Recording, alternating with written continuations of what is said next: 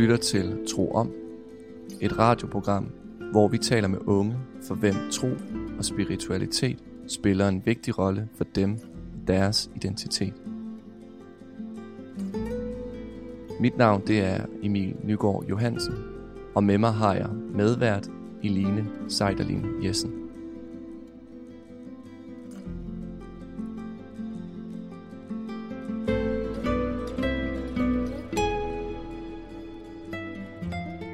Dag taler vi med Latka, som tror på de nordiske magter, det som nogen kalder asatro.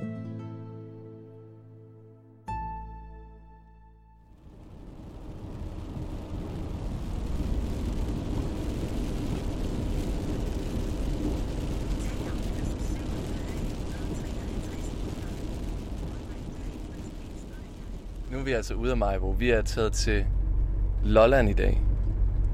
Øh, så vi er på tur, og vi har snøfler i vinduet, som er smeltet. Og øh, vi har lige spist frokost, og er nu ved at finde der, hvor at Louise hun bor. Øhm, og Louise, hun er asetrone. Ja, så vi er her lige om lidt. Og så det glæder vi os lidt til også, fordi at det er jo sådan en nordisk religion. En nordisk-germansk religion. Ja, ja, ja. Det er lige der. Godt. Og det har regnet rigtig meget i dag. Og vi håber ikke, det kommer til at regne mere.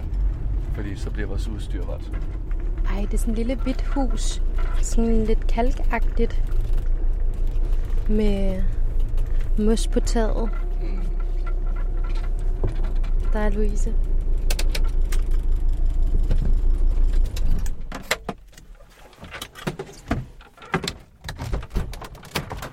Hej. Hej, Jeline. Hej Louise. Louise. Jeg kalder mig helst Latka. Det er, Latka? Latka. Det er mit efternavn.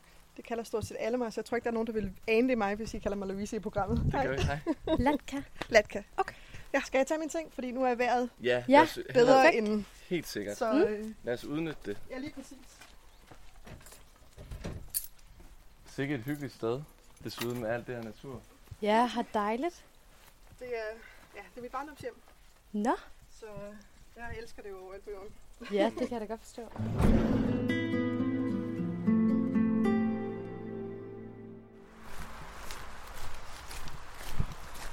Den høj, vi skal ned til, bliver af mig og nogle få andre kaldt Bisonhøjen. Øhm, fordi der går bison rundt, og der er næsten altid spor af bison dernede. Øhm, og der har været holdt blod dernede nogle gange. Så måske kan vi se fra tidligere blod, at der stadigvæk hænger et par ting, eller er lidt, lidt ting dernede. Nu må vi se. Det kan jo også være forsvundet med tiden. Og blod til de lytter, der ikke ved, hvad det er.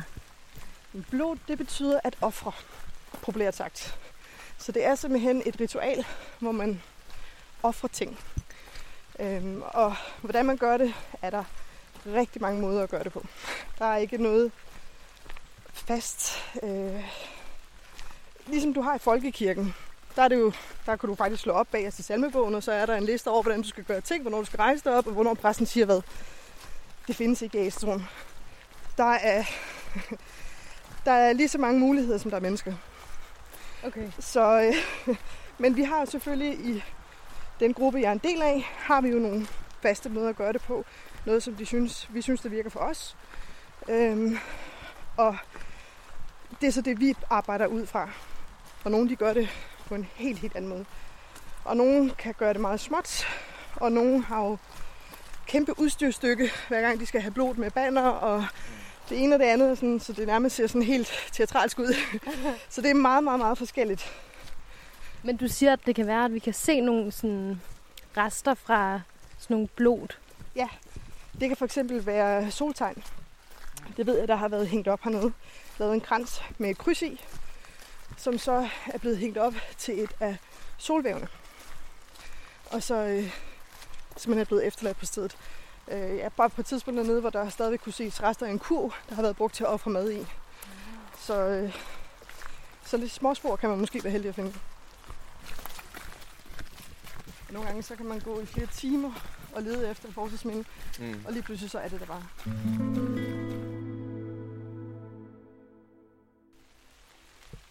Nu står vi på en gravhøj. Mil, du har et horn i hånden. Jeg har et øh, drikkehorn, tror jeg, man godt kan kalde det, som er indgraveret med en masse flotte ting. Øh, blandt andet en cirkel med et kors i, som, eller ikke et kors, et kryds, som vi kommer til at snakke om, tror jeg, på et andet tidspunkt. Øhm, og Latka, du er, nu er vi altså ude i skoven, og vi er, har gået øh, 10 minutters kvarter, og vi er blevet lidt beskidte, og det er godt. Det er altså, det skal Øh, og nu har du taget os op på en, øh, en høj. Ja.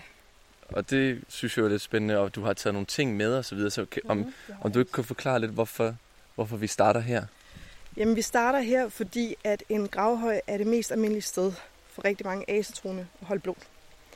Øh, de fleste de tager ud, og så finder de et fortidsminde. Og det er typisk her, at man vælger at forbinde sig til magterne. For det er her, vores forfædre ligger begravet. Så her der har vi en forbindelse til dem. Og på den måde kan vi også trække noget af deres energi og bedre få forbindelse til magterne. Øhm, så derfor er der rigtig mange, der søger ud. Det er ikke alle, der gør det, men rigtig mange, de finder gerne et sted som her. Øhm, så, så det er derfor, at vi starter på en gravhøj i dag. Og magterne. Ja, nu siger jeg magterne. Øh, nogle vil sige de nordiske guder. Det er lidt forskelligt. Jeg synes, at de nordiske guder er ikke dækkende nok. Øh, magterne, det er, det er så meget mere. Øh, det er også vætter, øh, de små, som de bliver kaldt. For eksempel så har stedet her, siger man har nogle vætter. Altså nogle væsener, som passer på. Øh, om man tror, de er fysiske væsener, der render rundt, eller om man tror, det er mere spirituelt. Det er en smagsag, hvordan man vælger at tage det. Det kan også bare være en følelse af energi. Øh, men der er meget mere end bare guder i den her verden. Så derfor siger jeg Nordens magter. Vi, vi snakker lidt om det på vejen herhen, det her med blod. Ja. Altså det, det er et form for ritual, I afholder. Ja. Øhm, hvor, hvor ofte er det? Man, øh, hvor ofte er I for eksempel lige på det her sted? Jamen lige det her sted har vi faktisk kun været én gang. Og det var ikke til et, et blod som sådan, det var til et, øh, et ritual, øh, øh, hvad det hedder, der handlede omkring vejret faktisk, hvor vi ville forsøge at få det regne, apropos i dag, hvor det regner rigtig meget. øhm, men ellers så mødes vi, typisk så har vi fire store højtider. Vi har sommersolværet, så har vi vintersolværet, og så har vi efterårsjævndøgn og forårsjævndøgn. Og det er det, de fleste de fejrer, kan man ligesom sige. Og så er der fire små, mindre ved siden af, men det gør dem ikke mindre vigtige. Øh, Så i alt er der cirka otte årstider, eller højtider på året. Øhm, Og det er ikke alle, der holder otte. Jeg holder ikke altid otte. Øh, Men de fire store holder jeg, og så en til to af de små holder jeg også. Øhm, Og man, nogen mødes og gør det i grupper. Nogle har faste grupper, nogle mødes i blandede grupper, og sådan er det måske første gang, de dukker op. Og nogle, de er bare helt selv. Det er meget forskelligt, hvordan der ledes. Jeg har en fast gruppe, der hedder Byendur, som er en søstergruppe til en anden gruppe, der hedder Heffendur. Og vi laver også en gang imellem noget sammen, så det kan godt være, at jeg får sagt de to grupper et par gange i løbet af i dag. Er de, er de her fra Lolland så, eller er det fra, også fra Sjælland? Og... Jeg er den eneste fra Lolland.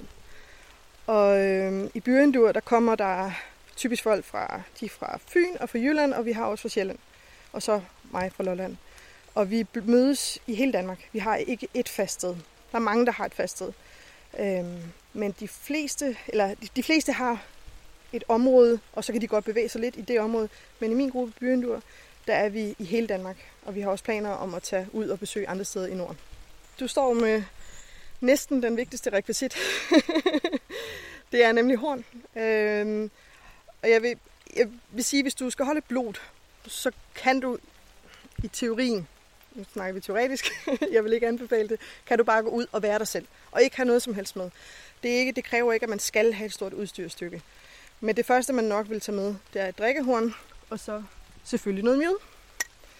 Aldrig glem mjøden. Øh, mjøden er gudernes drik. Odin, den, han hentede den til os. Øh, så den er altid med under blod. Og den bliver offret til guderne, og det er også den, vi har i horn, når vi holder skåle. Øh, og de skåle, vi så har under et blod, øh, de kan være meget forskellige. De har gerne et tema. Øh, det kan være, at man har en fri skål, det vil sige, at man må sige lige, hvad man har lyst til. Det kan jo også være, at man skal sige noget til en af de guder, man har påkaldt. Øh, men det kan jeg komme mere ind på, hvis vi skal snakke lidt omkring, hvordan et blod fungerer, for det er nok Mm. bedre at have lidt styr på det. Mm. Men øh, mjød.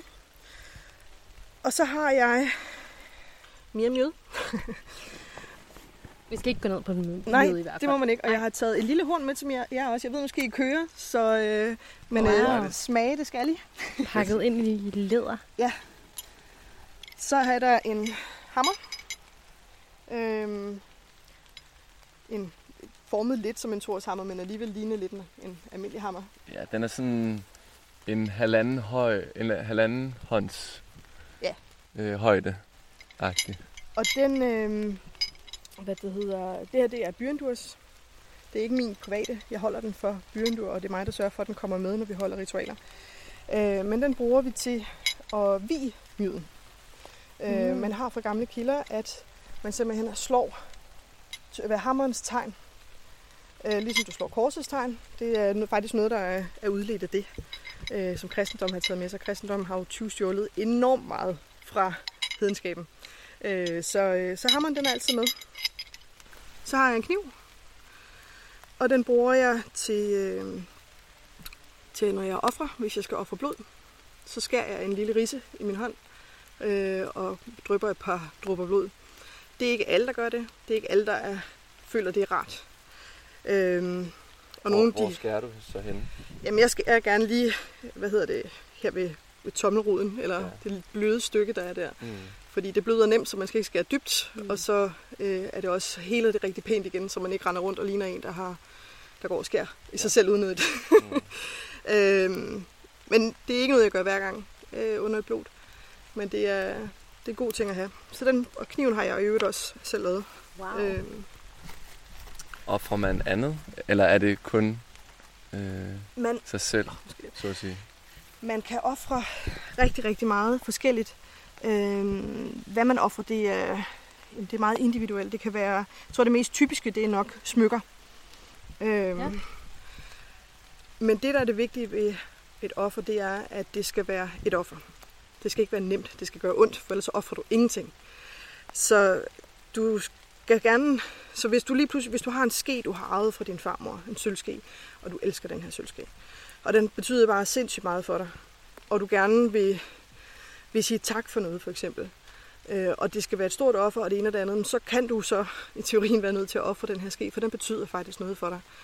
Øh, og den har, øh, den har også en, en sølvværdi, øh, så den har, den har mere værdi end kun affektionsværdien, så du giver rigtig meget på den måde.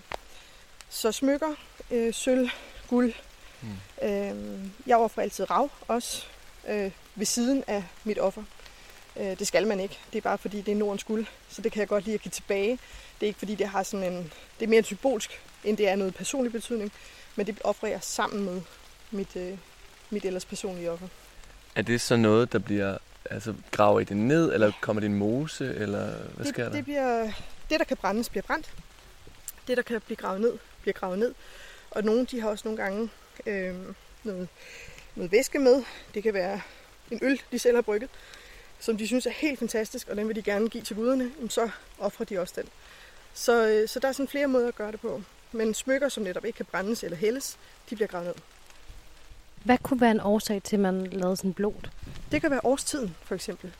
At vi, øh, vi, vi fejrer, at solen stadigvæk står op. At vi sørger for, at den stadigvæk går ned, og at den står op igen i morgen. At vi bliver ved med at sørge for, at cirklen, den her spiral, vi hele tiden er i, at den fortsætter. At det ikke lige pludselig stopper. Øh, jeg har en, en god frænde, der hedder Tirsen, som også er i både Byendur og Heffendur. Han kommer tit med historien omkring den her gris, at der er en gris, der er en grisestal, og hver dag så bliver lyset tændt på dette tidspunkt, og den får mad på dette tidspunkt. Og det sker dag efter dag efter dag, og der er aldrig nogen ændringer, noget som helst slags. Så derfor så må grisen jo føle, jamen det er sådan her verden er. Og der bliver altid serveret mad på det her tidspunkt. Det er sådan, det er. Men lige pludselig en dag, så bliver den altså taget med til slagteren. Og så sker der en hel ændring. Så vi må ikke... Øh, så det her med, at vi kan, ikke, vi kan ikke bare regne med, at den verden, vi har nu, er bare fordi det har kørt sådan i lang tid, at så er det sådan, det er. Så derfor gør vi vores til at sikre os for, at det bliver ved med at være her. Øhm, så det er blandt andet det, de her solværv går på, og også det, at, øh, at de her skåle skal være med til, at vi ligesom hylder og sørger for, at tingene de, de fortsætter. Hvis det giver mening. Det gør det. Ja, Bestemt. ja, ja. Det kan godt være lidt abstrakt nogle gange, men øh, forsøg at holde det på den sådan nede, så alle kan forstå det. Mm. Det kan hurtigt blive svævende. Men ja, når vi har holdt de her skåle, så har vi også det her offring. Blodet. Altså selve der, hvor vi kommer med noget. Og vi har gerne nogle personlige ofre. Det vil sige, at hver i kredsen har noget, de kommer med. Og så har vi et fælles offer, og det er gerne noget af det mad, vi skal spise. Øhm, så det har man gerne med, og så lægger man det på bålet og sender det afsted. Så, øh, og så er efter der, groft sagt, der sker mere end det, men så er blodet egentlig slut. Og så efterfølgende, der tager vi så sammen hen og spiser et sted. Øh, måltidet er en rigtig, rigtig vigtig del af blodet også. At man indtager maden og gør det sammen med guderne også. Så, øh, så, så blodet stopper egentlig først, når den sidste er gået i seng, så at sige. Ja, ja, hvor lang tid varer det så? Altså selve blodet? Altså selve ritualet, hvor vi står og er i gang, det var måske en, en time til halvanden. Øh, det kan også være længere tid. Jeg har også været med til blod, så ikke har været så lang tid. Øh, en time til halvanden, øh, to timer, øh, kan det godt komme op på. Det kommer an på, hvor mange mennesker vi er.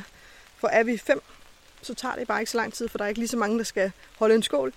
Øh, men er vi 30, så tager det noget længere tid at komme igennem det hele. Så det har lidt med, med mennesketal at gøre. Har I noget specielt tøj på? Ikke i vores gruppe. Der er nogen, de kan godt lide, at de har et, øh, at de tager måske vikingetøj på. Øh, jeg ved, at vi har for eksempel, øh, vi har Tirsen i gruppen, som har en bestemt kåbe, han bruger, hvis han skal vi folk. Øh, eller hvad det hedder, hvis han skal øh, knæsætte et barn. Øh, men, så det er en, en meget religiøs påklædning, han kun bruger til det. Men som udgangspunkt, så møder du bare op, som du er jeg tager gerne, jeg kan godt lide, at man går lidt ud af sig selv. Øh, Det er en hellig handling, man laver, øh, så man behøver ikke at komme i, i hullet tøj og have snot ned i næsen og lige noget, der er løgn. Men øh, man kommer der, fordi man beder guderne. Så man tager også hatten af, når man står. Man har ikke hat, af under, eller hat på under blod. Øh, Det er der nogen, der har igen. Alle er forskellige, men det synes jeg ikke, man bør. Og knæsætte børn. Øh, I kristendom, der har du dåben. Det er nok det, de fleste kender. Forskellen på en knæsætning og dåb, den er mange, men med dåben, der optager du barnet i den kristentro. Med knæsætningen, der optager du barnet i familien. Så du optager ikke barnet i troen, du optager det i familien. Øh, og der undervejs, der som del af ritualet, bliver barnet sat på farens knæ. Øh, deraf knæsætning. Men det er simpelthen en, hvor man mødes, og så optager hele familien barnet i slægten og byder det velkommen. Er det sådan en Captain Morgan? Altså, hvor han står sådan der, og så kommer barnet, eller sidder man ned? Typisk sidder man ned. Okay. Men igen, det er meget forskelligt. Men de fleste har en stol med, hvor man bliver sat på, øh, hvor faren sidder på, og så bliver barnet sat på farens knæ. Og det er en tradition, man har langt tilbage. Øh, du kan se tilbage i oldtiden også. Så det er derfra, det stammer. Det er mange af de ritualer, vi har, forsøger vi at bygge på, hvad vi har fra kilder. Men det, man skal huske på, at asatroen, som vi kender det i dag, er ny. Vi, vi har ikke den, den samme tro, som vi havde dengang, fordi den er blevet brudt. Så det har ikke kørt som en lige linje op, hvor vi har blevet ved med at tro på, på de samme ting. Der har været en kristendom, der ligesom har, har brudt af, og nu har vi, forsøger vi så at samle det, vi kan, men vi kan ikke gøre det, som man gjorde det dengang. Øh, men vi kan tage det, vi nu har af kilder, og arbejde med det, og se, hvad der fungerer. Så det er, det er sådan, vi gør det i dag. Men vi tager, hvad vi har fra kilderne.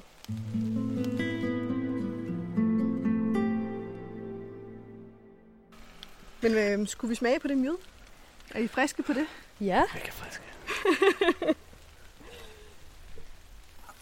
Også fordi jeg tror, at det her, det er jo the real shit, som man siger. Altså, hvorimod at det, man får jul, ju, over julen, jeg tror mere på det der mjød, end jeg tror på... Er det ikke det? Får man ikke også mjød med sådan noget lidt hvidvin i? Og... Nogle gange gør man. Så køber man det ned i Føtex Ja, eller sådan sådan noget. noget. Så det er sådan noget... Så det er helt sikkert ikke en rigtig mjød. nej. Det tror jeg nemlig heller ikke. Men øh, skal vi bytte, så får du den store her. Ja, men øh, der er, jeg skinker op. Tak. Det er sådan, at det er kvinder, der skinker op. Og hvis der ikke er kvinder til stede, så er det manden med det korteste skæg. Så kan man jo selv bestemme det. Altså, det, kunne, det ville så nok, nok ofte være mig. Ja. Jeg ligger lige den Nej, her. bare lad holde den op. Okay. Fordi jeg skinker, jeg skinker ikke så meget. Nu skal jeg jo køre det er mere bare som en...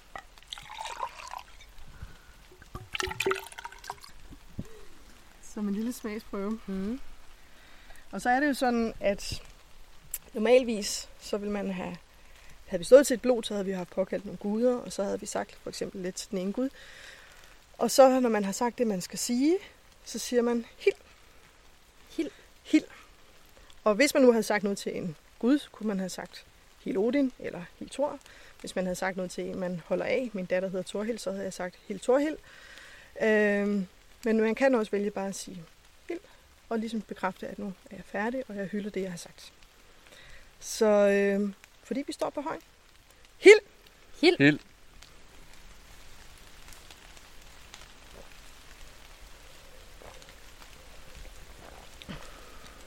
Man drikker det simpelthen i en tår. Det gør man ikke nødvendigvis. Nu er det en Nå, lille tår, okay. jeg er helt op. og så giver jeg altså det sidste til vætterne. Vi har jo de her påkaldelser. Øhm, og der er mange måder at gøre det på. Igen, ikke noget rigtigt eller forkert. Men i vores blodlag, der har vi en, øh, en måde, vi gør det på, en teknik, vi bruger. Jeg vil ikke gå så meget ind i det. Men det er for at få så kraftigt et kald som muligt. Jeg vil ikke sige en Guds navn, fordi man skal kun påkalde guderne, når man faktisk vil påkalde dem. Så derfor så bruger jeg min datters navn. Øhm, både fordi det er, det er nemt at råbe, men også hun er det skønneste, der findes, så hvorfor ikke?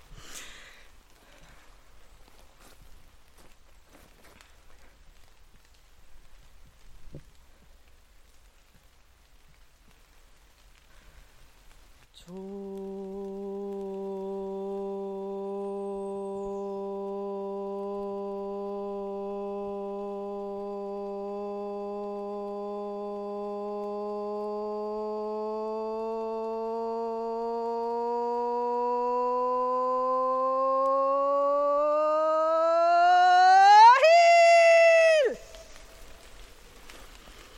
ikke fuld smadret. så, men øh, sådan kan det lyde, når man påkalder. Det lød enormt kraftigt hos mig. Det, det er i hvert fald en måde, man kan virkelig få stemmen op, og man kan fokusere. Det handler det også meget om, når man laver sin påkaldelse. Og undervejs, når jeg påkalder en Gud, så fokuserer jeg også på den her Gud, og det, jeg kan fornemme omkring øh, Guden og hvad der ellers er. Sådan noget. Så det er en, men man kan næsten... Normalt gør jeg råbet lidt længere, og man kan næsten komme sådan helt ind, sådan, blive sådan meditativt næsten. Det er meget, meget mystisk. Men øh, det er ikke hver gang, man gør det, men, øh, men det kan virkelig være en, en fed fornemmelse at påkalde på den måde. Nu er vi kommet hjem fra en skovtur, kunne jeg næsten, kan jeg næsten kalde det. Ej, øh, og vi sidder i din stue, Latka. Ja. Har fået en kop kaffe, du har fået en kop te. Og solen den strømmer ind af vinduerne. Har virkelig dejligt. Ej, er skønt. Ja. Lolland, det kan noget. Lolland vokser altså på mig. Nå, vil du ikke lige starte med at øh, prøve at introducere dig selv til lytterne? Det kan jeg godt. Mit fulde navn, det er Louise Latka, men alle kender mig som Latka, og det er blevet kaldt det meste af mit liv, det er mit efternavn. Øh, Jeg er 31 år og bor her på Lolland sammen med min datter Torhild, som fylder 2 til oktober. Øh, Jeg har været asetroende, så at sige, i en fire års tid, men jeg har troet og dyrket naturen og dyrket de magter, der er omkring mig og energierne, siden jeg var en 14-15 år. Øhm, så det er noget, der har, jeg har arbejdet med i en del år efterhånden. Derudover så har jeg også en blog, som jeg skriver omkring asetroen og de forskellige oplevelser, jeg har i den, i den forbindelse. Hvad hedder den blog? Den hedder Friksdatter. Øh, og man kan finde både på Instagram og på Facebook og hvad der ellers er derude, og selvfølgelig også øh, min, egen, den, min egen hjemmeside, som der er henvisninger til de forskellige steder. Men det er Friksdatter, så hvis man søger på den, så kommer det op.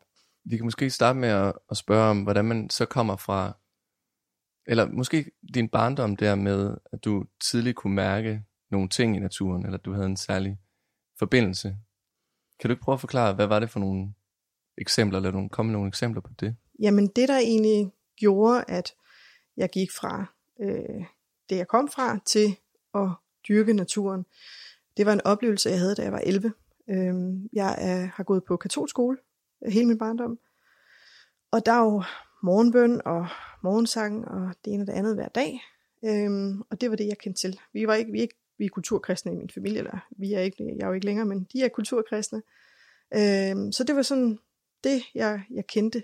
Øhm, og da jeg er 11, der kommer jeg så ud for en ulykke med mit knæ, og jeg bliver fejlopereret i den forbindelse, og kan faktisk risikere, at jeg bliver skæv i hele kroppen, og det hele det kan gå rigtig galt. Det sker heldigvis ikke. Men øh, som 11-årig, der ligger jeg så en aften og er lagt i seng, og jeg ligger med den her skinne på mit ben, og jeg må ikke bruge mit ben, og jeg er meget, meget ulykkelig, for jeg er bange for, at jeg aldrig nogensinde kommer til at gå igen. Og der folder jeg hænderne for første gang alvorligt i mit liv, og beder til Gud. Og jeg sad tilbage med den mest tomme og forladte følelse, jeg overhovedet kunne have, og jeg følte mig så alene, da jeg var færdig. Jeg tænkte, det er simpelthen løgn det her. Der må være noget mere. Øh, og bogorm som jeg var, så øh, begyndte jeg at gå igennem biblioteket. Øh, vi boede ikke mere end fem minutter væk, så det var jo nemt lige at, at smutte derover.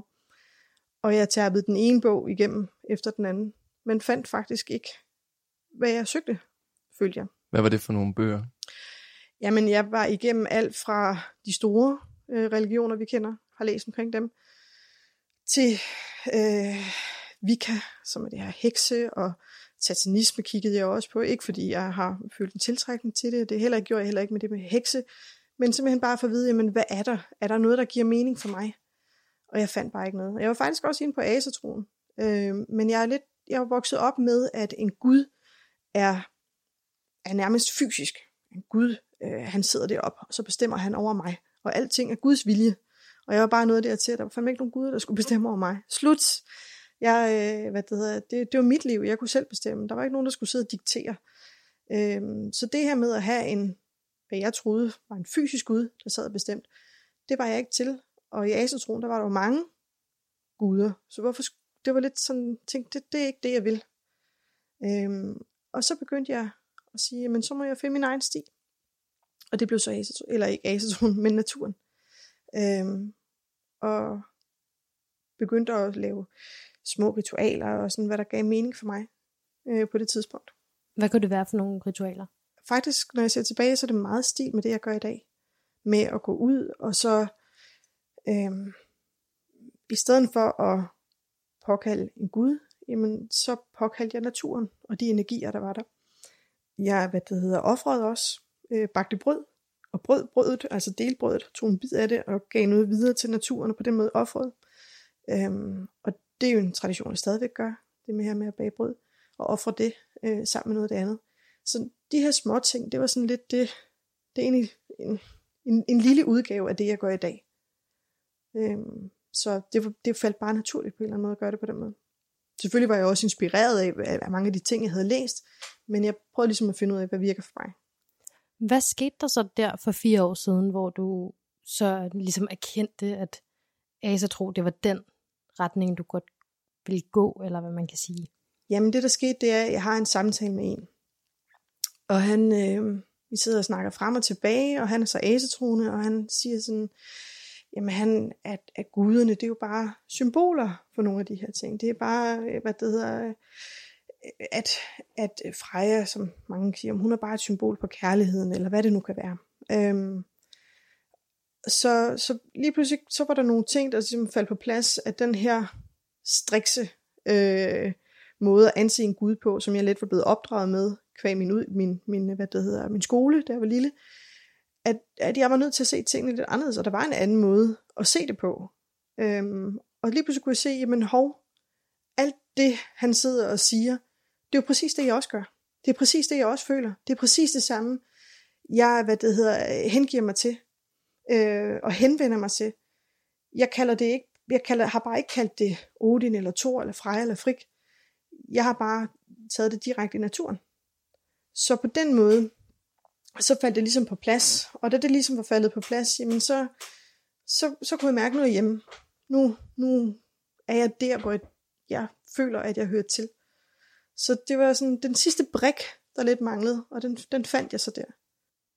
Har du stadig kontakt til ham manden? Ja, det har jeg. Ja, okay. Det er, sådan, det er jo også et, vi snakkede lidt om, hvor stort et sådan, samfund eller øh, community, der ligesom er i asatroen. Hvor mange Øh, jeg, jeg kan ikke helt huske, hvor mange det er, der er cirka. I får en side, som er øh, Danmarks, øh, hvad der hedder, et af Danmarks trosamfund for asetroende, vane og asetroende. Jeg mener, der er omkring er det 600-700 medlemmer. Men der findes øh, flere, og jeg vil tro, at vi er nogle tusind, øh, som vedkender sig asetroende, eller asetroen. Men igen, det er ikke alle, der har et behov for at være hvad der, tilknyttet øh, et trosamfund. Det er ikke alle, der har behov for at være tilknyttet en gruppe. Der er nogen, de siger bare, jamen det er det, jeg føler for, og så er det det, og så er det ikke mere for dem. Øh, og de deltager måske ikke i ritualer, og de har bare brug for at sige, at det er sådan, jeg har det. Øh, så der er mange, vi måske ikke har så meget styr på, øh, kan man sige det. Så, der, så hvad det præcise tal er svært at sige, men jeg vil skyde på et par tusind. Det kan måske lige vende os mod grenen af asetro i Danmark, fordi jeg kunne forestille mig, at der jo må være nogen, som tror, nu snakker du om symbolerne, guderne som symboler, men der må vel være en grad af nogen, som tror mindre på, at de er symboler, men også er mere end bare det, og nogen, som tager det som netop bare et symbol. Så jeg tænkte, om du ikke lige kunne prøve at forklare, hvordan man kan se forskelle internt i miljøet. Men jeg tror, de fleste er egentlig øh, med på det her med, at, at, at, at måde at se guderne på, det er netop ved at se dem gennem øh, torden, eller altså de her manifestationer, på den måde symboler, som du kan kalde dem. Øh, jeg, jeg, har, jeg tror ikke, jeg har mødt en endnu, der stålfast siger, jeg tror på, at guderne er hvad det hedder, er rent fysisk, og de ikke er andet, og at det er vidderligt tor, der kommer og buller. Øh, altså som, jeg, har, jeg tror ikke, jeg har mødt et eneste menneske, som, som helhjertet virkelig dybt ind siger, at det er bare sådan, det er, og guderne er fysiske. Det er ligesom den, jeg havde med, med, med den kristne tilgang til det, som jeg havde fået indoktrineret.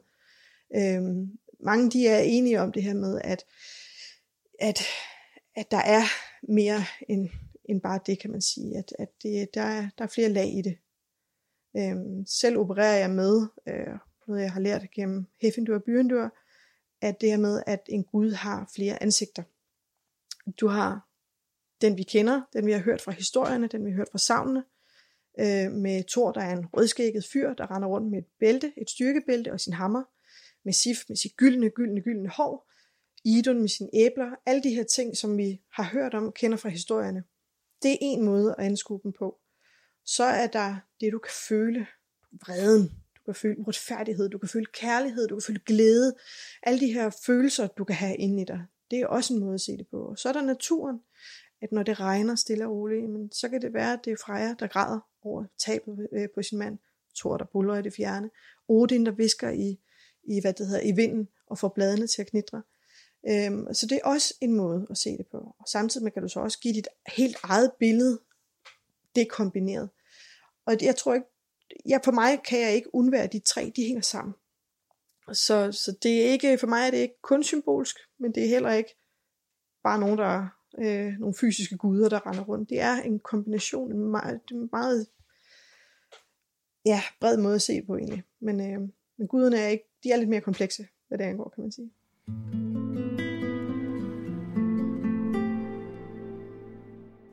Du har taget en sang med. Og kan du ikke øh, prøve at fortælle os, hvorfor det skal være den? Jo, men jeg, jeg kunne godt tænke mig, at det skulle være en, en sang, som øh, hvad det hedder, havde noget med øh, det nordiske at gøre, og netop det tema, vi sidder og snakker om. Øhm, og et band, som er meget fremme, og som efterhånden flere og flere kender, det er Vadruna. Øhm, og der er, har de lavet et nummer, der hedder Volyspa. Og Volyspa, det er øh, vølvens spottom. Og vølvens spottom, det er, hvor der er en vølve, der fortæller om alt lige fra livets begyndelse, hvordan det hele det bliver skabt, til Ragnarok. Øhm, og originalkvadet er på, jeg mener det er 66 eller 67 øh, vers, så lang er vores ikke. Øh, hvad det hedder, Ejner Selvik og Vadrone, de har kogt den noget mere ned og har valgt øh, noget ud, og har selvfølgelig øh, skrevet det, som de nu synes, det skulle. Øh, men det er et rigtig lækkert nummer, og det er et meget smukt og fortællende nummer. Så Vadrona med Voluspa.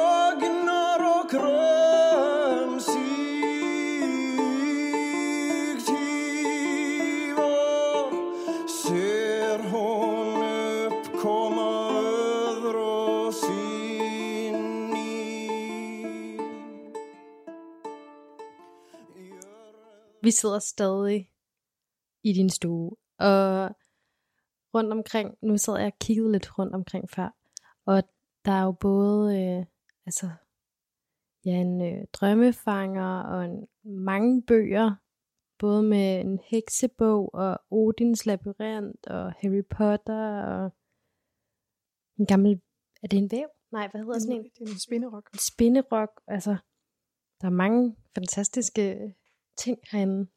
Og så selvfølgelig et børnehjørne til din datter. Det er Ja. klart. Men nu, mens øh, vi hørte din sang, så snakkede vi også lidt om de her mytologier og myter og sådan noget, der ligesom er i alle religioner. Og blandt andet om skabelsesmyten. Kan du ikke prøve at forklare lidt om den? Jo, kort sagt, så er det, at øh, der er ingenting. Og så er der så et varmt sted, Muspelheim, og et koldt sted, Niflheim. Og de to punkter, de mødes, og ud af det bliver Ymer skabt. Øhm, og ud af ham, der vokser der så jætter, og der kommer også en ko, der er et humbler, der kommer frem, og der bliver ligesom skabt noget ud af ham. Og så øhm, kommer Odin, Vile og V, det er Odin og hans to brødre, og simpelthen slår Ymer ihjel. Og ud af ham, der bygger de så verden. De, hans, øh, hans hjerneskal, det er himmelvælvingen. Øhm, og hvad det hedder, så der er sådan, de bygger simpelthen vores verden ud af ham. Øhm, og så placerer de så Asgård i midten af Midgård. Og Midgård, det er menneskenes hjem, Mannheim. Øhm, og rundt om, uden for det, der ligger så Jotunheim, hvor jætterne bor. Vi har også nogle andre verdener, der er ni verdener i det hele. Men det er sådan egentlig lidt sådan, at verden, den meget, meget kort fortalt, bliver skabt. Og nu, nu snakkede du lige om, at den faktisk stemmer godt overens med Big Bang. Ja, du har det her med, at der ligesom er ingenting, og ud af ingenting bliver skabt noget. Øh, og det, det sker, øh, jeg, vil ikke sige, jeg ved jo ikke, om der sker en eksplosion mellem de her to verdener, men der, der sker i hvert fald, at, at de her gnister og den her, øh, hvad det hedder, det her kulde, det mødes, og ud af det bliver der skabt en verden. Og det passer, øh, altså det her med Big Bang, at der ud af ingenting bliver skabt noget, der sker en eksplosion, at ligesom kommer. Øhm, så det, det er meget naturligt, at, at det sådan hænger sammen. At det, det, det, er, det virker ikke så langt fra hinanden på en eller anden måde. Så, øh, så jeg synes, at altså, jeg tror på Big Bang, jeg tror på videnskaben, selvom jeg siger, at jeg er og tror på Nordens magter, så tror jeg også stadigvæk på, hvad der kan ses og hvad der kan måles. Øhm, så, men det kan harmonere rigtig fint sammen, synes jeg. Og så har vi så den helt anden side, Ragnarok. Ja. Som vi måske kender lidt fra Julie Valhalla, må vi bare indrømme. ja. øhm, måske fortælle lige lidt om den, og hvorfor en betydning har den så øh, i jeres fællesskab? Jamen, Ragnarok er jo inden og starten. Øhm, Ragnarok er inde på den verden, vi kender, øhm, men også starten på ny verden. Der er mange, der tror, at nu kommer Ragnarok, og så går alt til grunde. Men det er sådan set ikke helt sandt. Der er nogen, der overlever for Ragnarok, og nogen, der starter på noget nyt. Så det er egentlig en ny begyndelse. Øhm, så og man skal og man skal frygte Ragnarok, det vil jeg ikke sige. Øh, det er en naturlig del, og vi oplever måske i løbet af livet mange små, i gåsøjne, Ragnarokker. øh, hvor, vi ligesom, hvor, der, hvor der sker noget rigtig grimt, og noget, der går til grunden, men der kommer alligevel noget nyt ud af det. Øh, så, så på den måde kan man sige, at der er, at Ragnarok er måske ikke så skidt igen. Jeg ved ikke, om det fylder så meget i, i øh, det åndsfællesskab, jeg er. Det, det er ikke noget, vi sådan snakker om tit. Selvfølgelig er det jo noget, vi kan snakke om i en debat, hvad det ellers er, men det er ikke et emne, vi tager op tit. Øhm, men det jeg tror det vigtigste ved, ved Ragnarok, det er det her med, at, og det er ikke det vigtigste, der er mange vigtige ting, men at selvom at guderne, de kender til skæbnen, selvom at guderne har fået at vide af vølven, at Ragnarok kommer, og I vil alle sammen dø næsten, at, vi, at den verden, I kender, den går under, så bliver de ved med at kæmpe. Odin bliver ved med at få kriger til sin hal. Han bliver ved med at træne krigerne op. Ham og Freja bliver ved med at udvælge kriger på marken, der er faldende, for at blive bedre til at kæmpe under Ragnarok. Selvom at de ved, at de taber, så giver de ikke op. De bliver ved med at forsøge. Selvom de har været at vide, jamen, glem det, I, I taber. Men, men man bliver ved. Og det tror jeg er vigtigt at tage med, at man ikke bare giver op, og man ikke bare smider, hvad man har i hænderne og siger, ærgerligt, det, nu, det har jeg fået at vide, det kan jeg ikke, så kan jeg ikke. Så det handler om, tror du, om ære? Jeg ved ikke, om det handler om ære. Øhm, det kan da godt være, det er en, en lille del af det.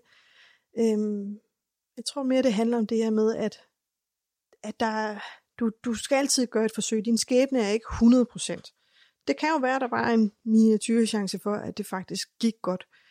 Øhm, og, og det her med at kæmpe ikke fysisk nødvendigvis, men det her med at, at kæmpe og bare og ikke at tage sin skæbne i egne hænder, det er meget sådan for asetroende naturligt, tror jeg. Er der et regelsæt for, hvem der så vil øh, overleve Ragnarok? Der bliver fortalt af Vølmen, hvem der overlever. Nu kan jeg ikke huske på stående fod, øh, præcis hvem det er. øh, men det bliver fortalt, at, at det er dem og dem, der overlever, og de vil så være med til at skabe en ny verden. Vil det være asetroende så? Eller er det lige meget? Jamen, når vi snakker om Ragnarok, så snakker vi om guderne. Og det er blandt dem, at du, øh, hvad det hedder, har de overlevende, kan man sige. Det er øh, Ragnarok påvirker, kommer også til at påvirke menneskene, men det er ikke menneskenes kamp, vi hører om. Det er kun gudernes kamp. Så på den måde kan du ikke sige, at det er asetrone, der overlever. Øh, og om, om, om Midgård kommer til at bestå, som vi øh, kender det nu, altså Mannheim, menneskenes hjem, det er ikke sikkert overhovedet netop på grund af Ragnarok, men øh, hvad det hedder, den siger intet omkring, hvad man tror på, at, om man overlever overhovedet ikke. Det er ikke der, den skiller. Undervejs i samtalen har vi lagt mærke til, at det jo især er, altså Thor fylder meget, øhm, og i skabelsesberetningen er det jo især Odin, nok fordi han også er den ældste. Mit spørgsmål er, hvorfor er det lige netop de her guder, som fylder meget, eller er det bare noget, vi opfatter, når vi snakker, at der er nogle guder, som er vigtigere end andre? Øh, jeg vil sige, at som, som det er med naturen, så er, der, så er der ikke nogle guder, der ikke er vigtige. Der er nogen, der kan fylde mere. Der er nogen, der kan, kan være vigtigere et sted end andre. Øhm, grunden til, at jeg har brugt meget Thor og Odin i dag, det er fordi, det er det, dem kender folk. Dem har folk hørt om. For mig er de ikke de vigtigste. Øhm, jeg har ikke noget øh, tæt forhold til, til Odin, hvis man kan sige det sådan. Det er ikke ham, jeg forbinder mig stærkt med. Øh, og det samme gælder egentlig Thor, selvom jeg nok har en stærkere forbindelse til Thor, end jeg har til Odin. Der er andre guder, der betyder meget mere for mig. Og hvad med dig selv og dine personlige favoritter? Ja, øhm, vi kalder det en fylke, når vi har en, vi sådan øh, connecter med på den måde. Og jeg har tre, jeg, øh, er, jeg ser op til, eller øh, har, føler, at jeg har en stærk forbindelse til. Øhm, og den første, det er Frik. Det er også derfor, jeg har kaldt mig Frikstatter, Frikstatter, Frikstatter på min blog. Øhm, fordi hun er hun er, en, hun er ikke en, en ung mor, men hun er almoderen på en eller anden måde. Øhm, og hun er også den klogeste Gud. Vi har et mest vise Gud. Vi har hende, der ved allermest. Der er mange, der tror, det er Odin, men Frik ved faktisk mere. Hun siger det bare ikke til nogen. Øhm, jeg kan godt lide meget af det, hun står for. Så hende har jeg en, en, en tæt forbindelse til. Det var hende, jeg havde den stærkeste forbindelse til til at starte med. Senere er det så gået over og blevet øh, Sif, som jeg har den aller tætteste forbindelse til lige nu. Øh, og Sif er moderen, den unge, mere yngre mor, og det er jo der, jeg selv er. Øh, med små børn og, og det ene og det andet. Men samtidig med det, så har hun også noget vigtigt, og vi kalder det lidt for sjovt i min gruppe for klister. Øh, men det er, at hun har sammenhængskraft. Altså klistret, der holder hinanden sammen. Øh, det her med, at hun, hun forstår det at have en familie og vigtigheden af det. Øhm, og et, jeg har et, et øh, udsagn, som jeg har fra Heffendur, og det er lidt blevet noget, jeg lever efter og forsøger at stræbe efter. Og sætningen lyder, øh, slægten først, siden stammen, til sidst mig selv. Og Sif er i den grad slægten, og hører sammen på den måde. Så Sif betyder helt vildt meget for mig. Også i kraft af, at jeg er mor, og det er hun. Hun har også lidt den rolle omkring med de små børn. Og den sidste, det er Tyr. Øh, mange kender ham som krigsguden, der offrer sin ene hånd ved at lægge den i Fenris ulvenskab, fordi de skal have, øh, hvad det hedder, bundet Fenris ulven ned, fordi de mener, at den er farlig, og med Ragnarok og hele den her historie.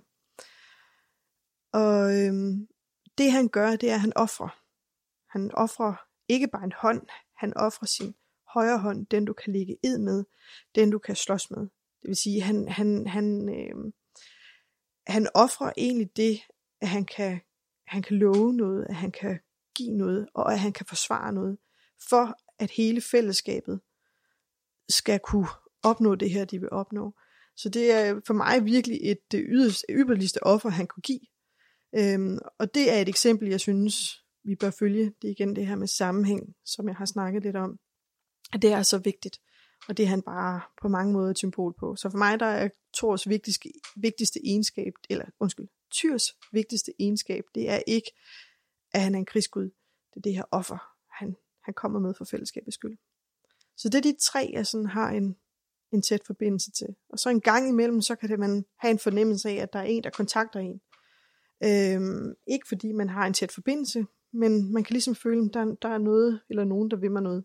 Lige omkring at blive gravid, havde jeg en, en følelse af, at Heimdal, han, jeg blev med at få Heimdal ind i hovedet. Og det viser så, at, at jeg var gravid, og Heimdal, han er fader til alle slægter. Helt fra trallene og til kongerne. Så han har det her med, med slægtskabet og det her med at starte. Så det gav rigtig fin mening, at jeg på en eller anden måde havde en kontakt til ham, øh, lige inden jeg fandt ud af, at jeg var gravid. Nu hvor du selv er asatrone, øh, eller tror på de nordiske magter, øh, er det så noget, som du også, hvad kalder man det, opdra- ja, opdrager din datter med, og sådan Mm. inddrager hende i måske nogle ritualer og sådan noget? Det er det, i den grad. Det er meget bevidst. Øhm, hun har fået et nordisk navn, øhm, og også nordisk mellemnavn, og vores efternavn har faktisk også rod i det nordiske, for det ikke skal være løgn. øhm, og hun får fortalt myterne øh, til godnathistorier. Selvfølgelig ikke hver aften, men det gør hun en gang imellem. Øhm, selv hendes bidering, da hun var helt lille, de var formet som en torshammer og midgårdsormen og, sådan, og Sleipner. Så der er en masse små ting i hendes hverdag, som, hvor, hvor jeg den vej igennem påvirker hende i en retning. Nu er hun jo ikke fyldt to endnu, det bliver hun først i oktober, så der er jo ikke, det er jo ikke fordi, at hun som sådan tager det til sig, men hun har været med til, øh, til et enkelt blod. Og der gik jo ikke øh, særlig lang tid efter hun havde med til blodet, så begyndte hun at gå rundt og tage horn, og så stod hun og lød, som om hun drak af hornene. Fordi det havde hun jo set mor gjorde. Så hun er med, og hun bliver inddraget i alt, hvad hun kan inddrages i. Hvad hvis nu hun vokser op og tænker, mm, nej, det er ikke for mig alligevel. så er det jo bare som det er. Men jeg vil være en noget skuffet og ked af det, mor. og det ved jeg, det vil hendes far også være. Øhm, og jeg vil gøre alt, hvad jeg kan for at bræge hende i den retning, kan man sige. Ikke? Øhm, og det er ligesom, at, at øh, andre steder, der siger at vi er kristne hjemme ved os, så er vi asezoner hjemme ved os. Og det er, det er sådan, det kommer til at være, kan man sige. Men altså stejler hun og siger, at det vil jeg bare ikke, jamen så er det jo altså min datter, der er vigtigst. Øhm, så det vil jeg selvfølgelig respektere. Øh, men jeg håber, hun er gammel nok øh, og har sat sig ind i, hvad det er så, hvorfor hun tager det valg, i stedet for bare, at, at det er sådan noget teenage fnider. Øh, men at hun er faktisk er gammel nok til at se, hvorfor tager hun det valg. Så hendes far er også asatrone? Ja, det er han. Okay. Jamen, så løber det jo dybt i hendes år, kan man sige. Det gør det. Vi er ved enden, og øh, du får nu lov, Latka, til at give os det, og lytterne det sidste ord i dag. Ja. Øhm, jeg vil sige, at hvis, hvis man kan mærke, at der er noget i en, der trækker, noget der kalder, øhm, og man synes det her med, at det nordiske og de guder, der hører med, at det er interessant og det er spændende, så lyt til det. Og følg det. Og, og, og brug din intuition og sige, jamen okay, tag springet, tør at følge med, øhm, for det kan være, at du opdager noget dybere, noget meningsfuldt, øhm, og noget, der måske kan være med til at ændre hele dit liv. Du har lyttet til programmet Tro om. Det var tilrettelagt, produceret og klippet af os, Emil og Eline. Musikken den er lavet af Kasper Bjørnsson. Tak fordi I lyttede med. På genhør.